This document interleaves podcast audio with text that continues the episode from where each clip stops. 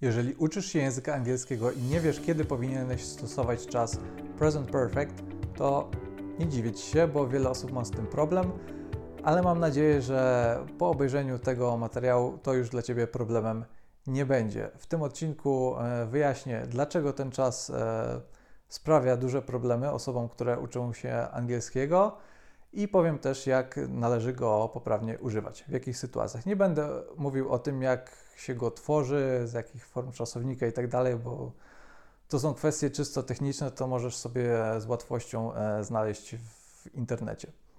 Zanim przejdziemy do konkretów, zachęcam do subskrybowania tego kanału. Jeśli uczysz się języków obcych, to na pewno będzie dobra decyzja, bo regularnie tutaj e, publikuję mm, nowe nagrania, które z pewnością Ci w tej e, nauce pomogą.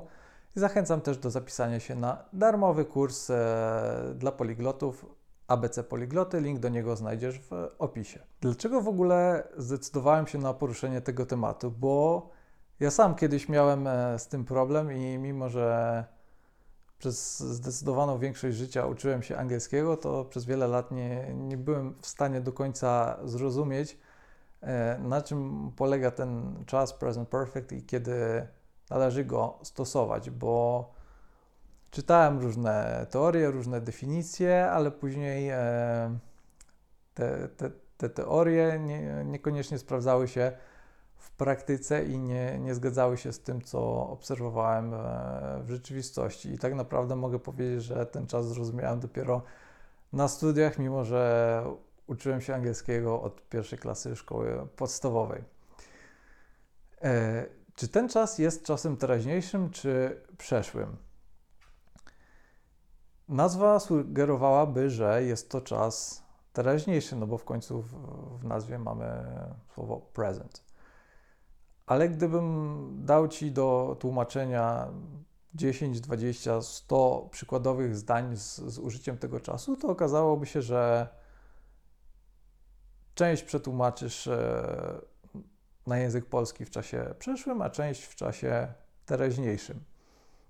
Pamiętaj o tym, że w każdym języku e, czasy są e, pojmowane troszeczkę inaczej. Po polsku na przykład mamy sztywny podział na czas przeszły, teraźniejszy i przyszły, a na przykład w języku angielskim te granice między tymi trzema światami są troszeczkę bardziej zatarte i są tam takie czasy, które łączą w sobie na przykład trochę przeszłości i trochę teraźniejszości. I takim właśnie czasem jest ten czas e, present perfect. Więc przejdźmy teraz do przykładowych sposobów użycia tego czasu. Jeżeli używamy tego czasu, to e, bardzo często chcemy podkreślić, że coś w ogóle się wydarzyło. Nie jest ważne kiedy, z kim, jak. Jakiekolwiek okoliczności nie mają znaczenia użyjemy tego czasu, jeśli chcemy podkreślić, że, że coś w ogóle się wydarzyło. To jest taki tryb zero-jedynkowy. Albo coś się wydarzyło, albo się nie wydarzyło i cała reszta nie ma znaczenia. Możemy tego użyć na przykład, kiedy opowiadamy o swoich doświadczeniach życiowych, o tym, co, co kiedyś zrobiliśmy, albo o tym, czego nigdy nie robiliśmy. Na przykład, I have never been to Japan. I to nie ma znaczenia, kiedy. No tutaj zresztą nie dałoby się powiedzieć kiedy, bo skoro nigdy nie byliśmy, no to nie da się wskazać um, konkretnego czasu. Możemy też y, użyć czasu present perfect, kiedy mówimy o jakichś nowych zdarzeniach i nieważne są dla nas okoliczności, kiedy to się stało, jak, tylko chcemy po prostu poinformować kogoś, że, że to się w ogóle wydarzyło. Na przykład jeżeli nasz sąsiad kupił sobie nowy samochód, to możemy powiedzieć Our neighbor has bought a new car. I to nie ma znaczenia, kiedy go kupił, jaki to jest samochód i tak dalej. Chcemy po, po prostu podkreślić to, że to się w ogóle wydarzyło. Czasu present perfect możemy użyć również wtedy, kiedy coś zaczęło się w przeszłości i trwa do chwili obecnej. Na przykład, załóżmy, że na dziewiątą byłeś umówiony do, do lekarza, a teraz jest jedenasta, ty dalej tam siedzisz w poczekalni i możesz wtedy powiedzieć, że I've been here for two hours. To jest w zasadzie jedyne poprawne rozwiązanie. Nie, nie dałoby się w tej sytuacji powiedzieć I am here for two hours. To, to by było niepoprawne. Kolejne użycie to e, sytuacje, w których e, jakieś e, zdarzenia z przeszłości mają swoje skutki w teraźniejszości.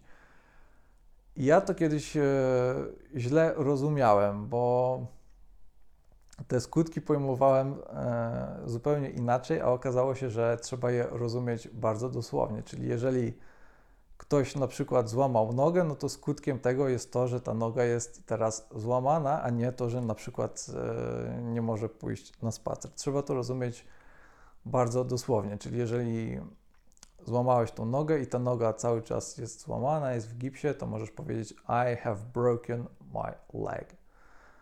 Ale jeżeli to się stało wiele, wiele lat temu i ta noga już e, się zrosła w międzyczasie, to, to wtedy nie użyjemy czasu present perfect, tylko past simple.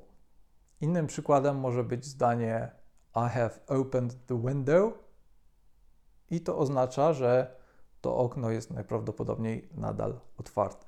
Tego czasu możemy również użyć wtedy, kiedy coś dopiero się wydarzyło, ale tutaj z pewnym e, zastrzeżeniem e, zależy to od tego, czy uczysz się angielskiego, brytyjskiego czy amerykańskiego. O tym jeszcze mm, powiem za chwilę, ale e, w tym przypadku e, Brytyjczycy użyją na pewno tego czasu, jeżeli coś dopiero co się wydarzyło. Często tam też pojawia się e, słowo just. Mm, to Brytyjczyk na pewno użyje tutaj czasu present perfect, Amerykanin na pewno past simple. Ostatnim, e, najczęstszym i chyba najrzadszym użyciem tego czasu jest sytuacja, w której chcemy podkreślić, że coś się zakończyło albo się zakończy. Na przykład w zdaniu uh, I'll call you as soon as I have finished my homework.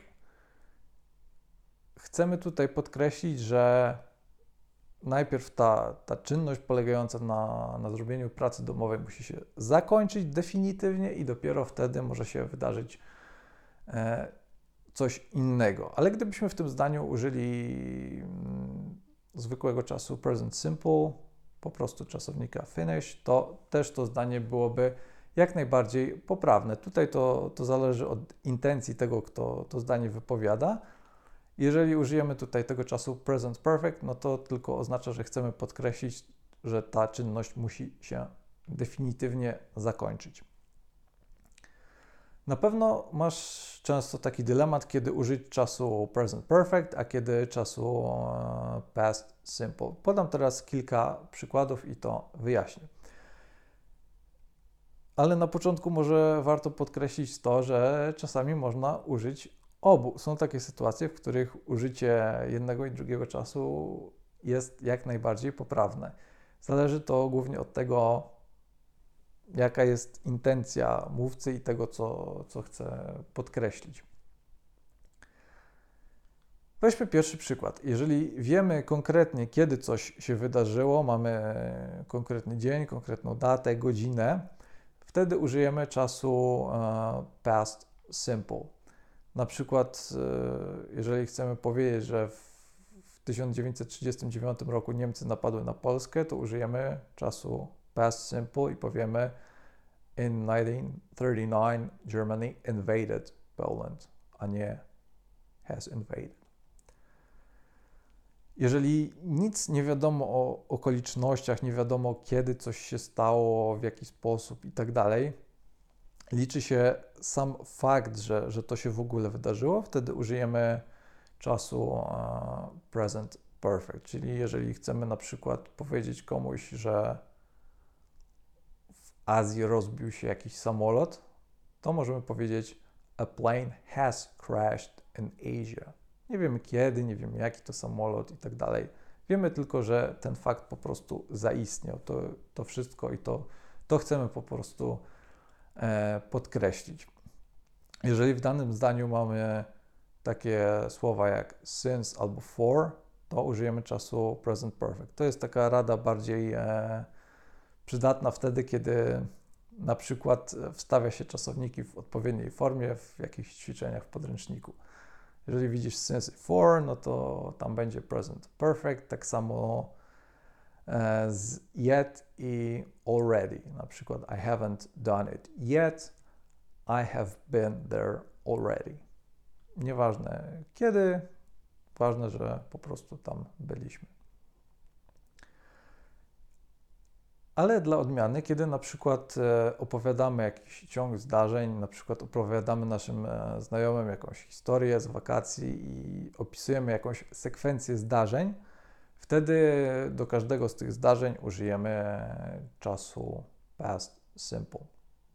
Wspomniałem już o tym, że to, którego czasu użyjemy, może zależeć od e, odmiany języka angielskiego i rzeczywiście tak jest, bo Brytyjczycy mają tendencję do tego, żeby częściej używać czasu present perfect, natomiast e, w tych samych sytuacjach Amerykanie powiedzieliby często e, to samo, tylko że z użyciem czasu past simple. Kilka miesięcy temu e, doświadczyłem podobnej sytuacji, bo leciałem samolotem. Obok mnie siedziało dwoje Amerykanów. I ta dziewczyna, która siedziała obok mnie, z tego co zrozumiałem, dostała jakąś wiadomość od, od kogoś z Wielkiej Brytanii. I ta osoba z, z, Wielkiej Brytanii napisała coś tam, że chyba, że zjadła obiad albo coś takiego, nie pamiętam. E, była to jakaś e, najprostsza rzecz na świecie, ale chodziło o to, że ta osoba użyła tam czasu present perfect. I ta Amerykanka, która siedziała obok mnie, nie mogła kompletnie zrozumieć, e, dlaczego ta jej znajoma użyła właśnie tego czasu, bo, bo można tam było przecież powiedzieć najprościej w, w past simple. Więc to bardzo fajnie pokazuje, że nawet native speakerzy tego samego języka mogą się e, nie zgadzać co do użycia pewnych e, czasów.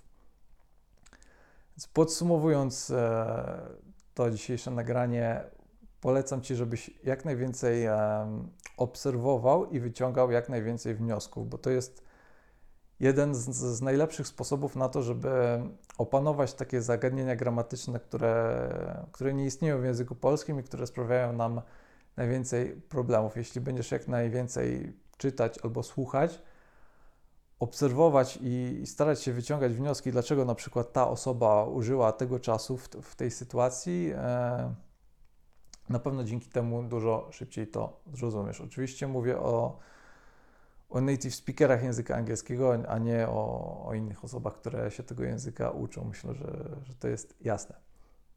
Pamiętaj o tym, że jeżeli e, masz taki dylemat, czy użyć czasu present perfect, czy past simple, to nie zawsze jest e, jedna poprawna odpowiedź. E, tego nas chce nauczyć szkoła, że, że jest jakiś klucz, jest jedyna poprawna odpowiedź, ale w życiu to nie do końca tak wygląda, bo czasami są sytuacje, w których możemy użyć e, obu tych czasów, a zależy to tylko od tego, jaka jest nasza intencja, co chcemy podkreślić, albo zależy to też od tego, czy mówimy angielskim, brytyjskim, czy też e, amerykańskim. Jeżeli nadal coś nie jest dla Ciebie jasne, to zostaw komentarz, e, chętnie na niego odpowiem. I przypominam o tym, żeby zostawić subskrypcję na tym kanale.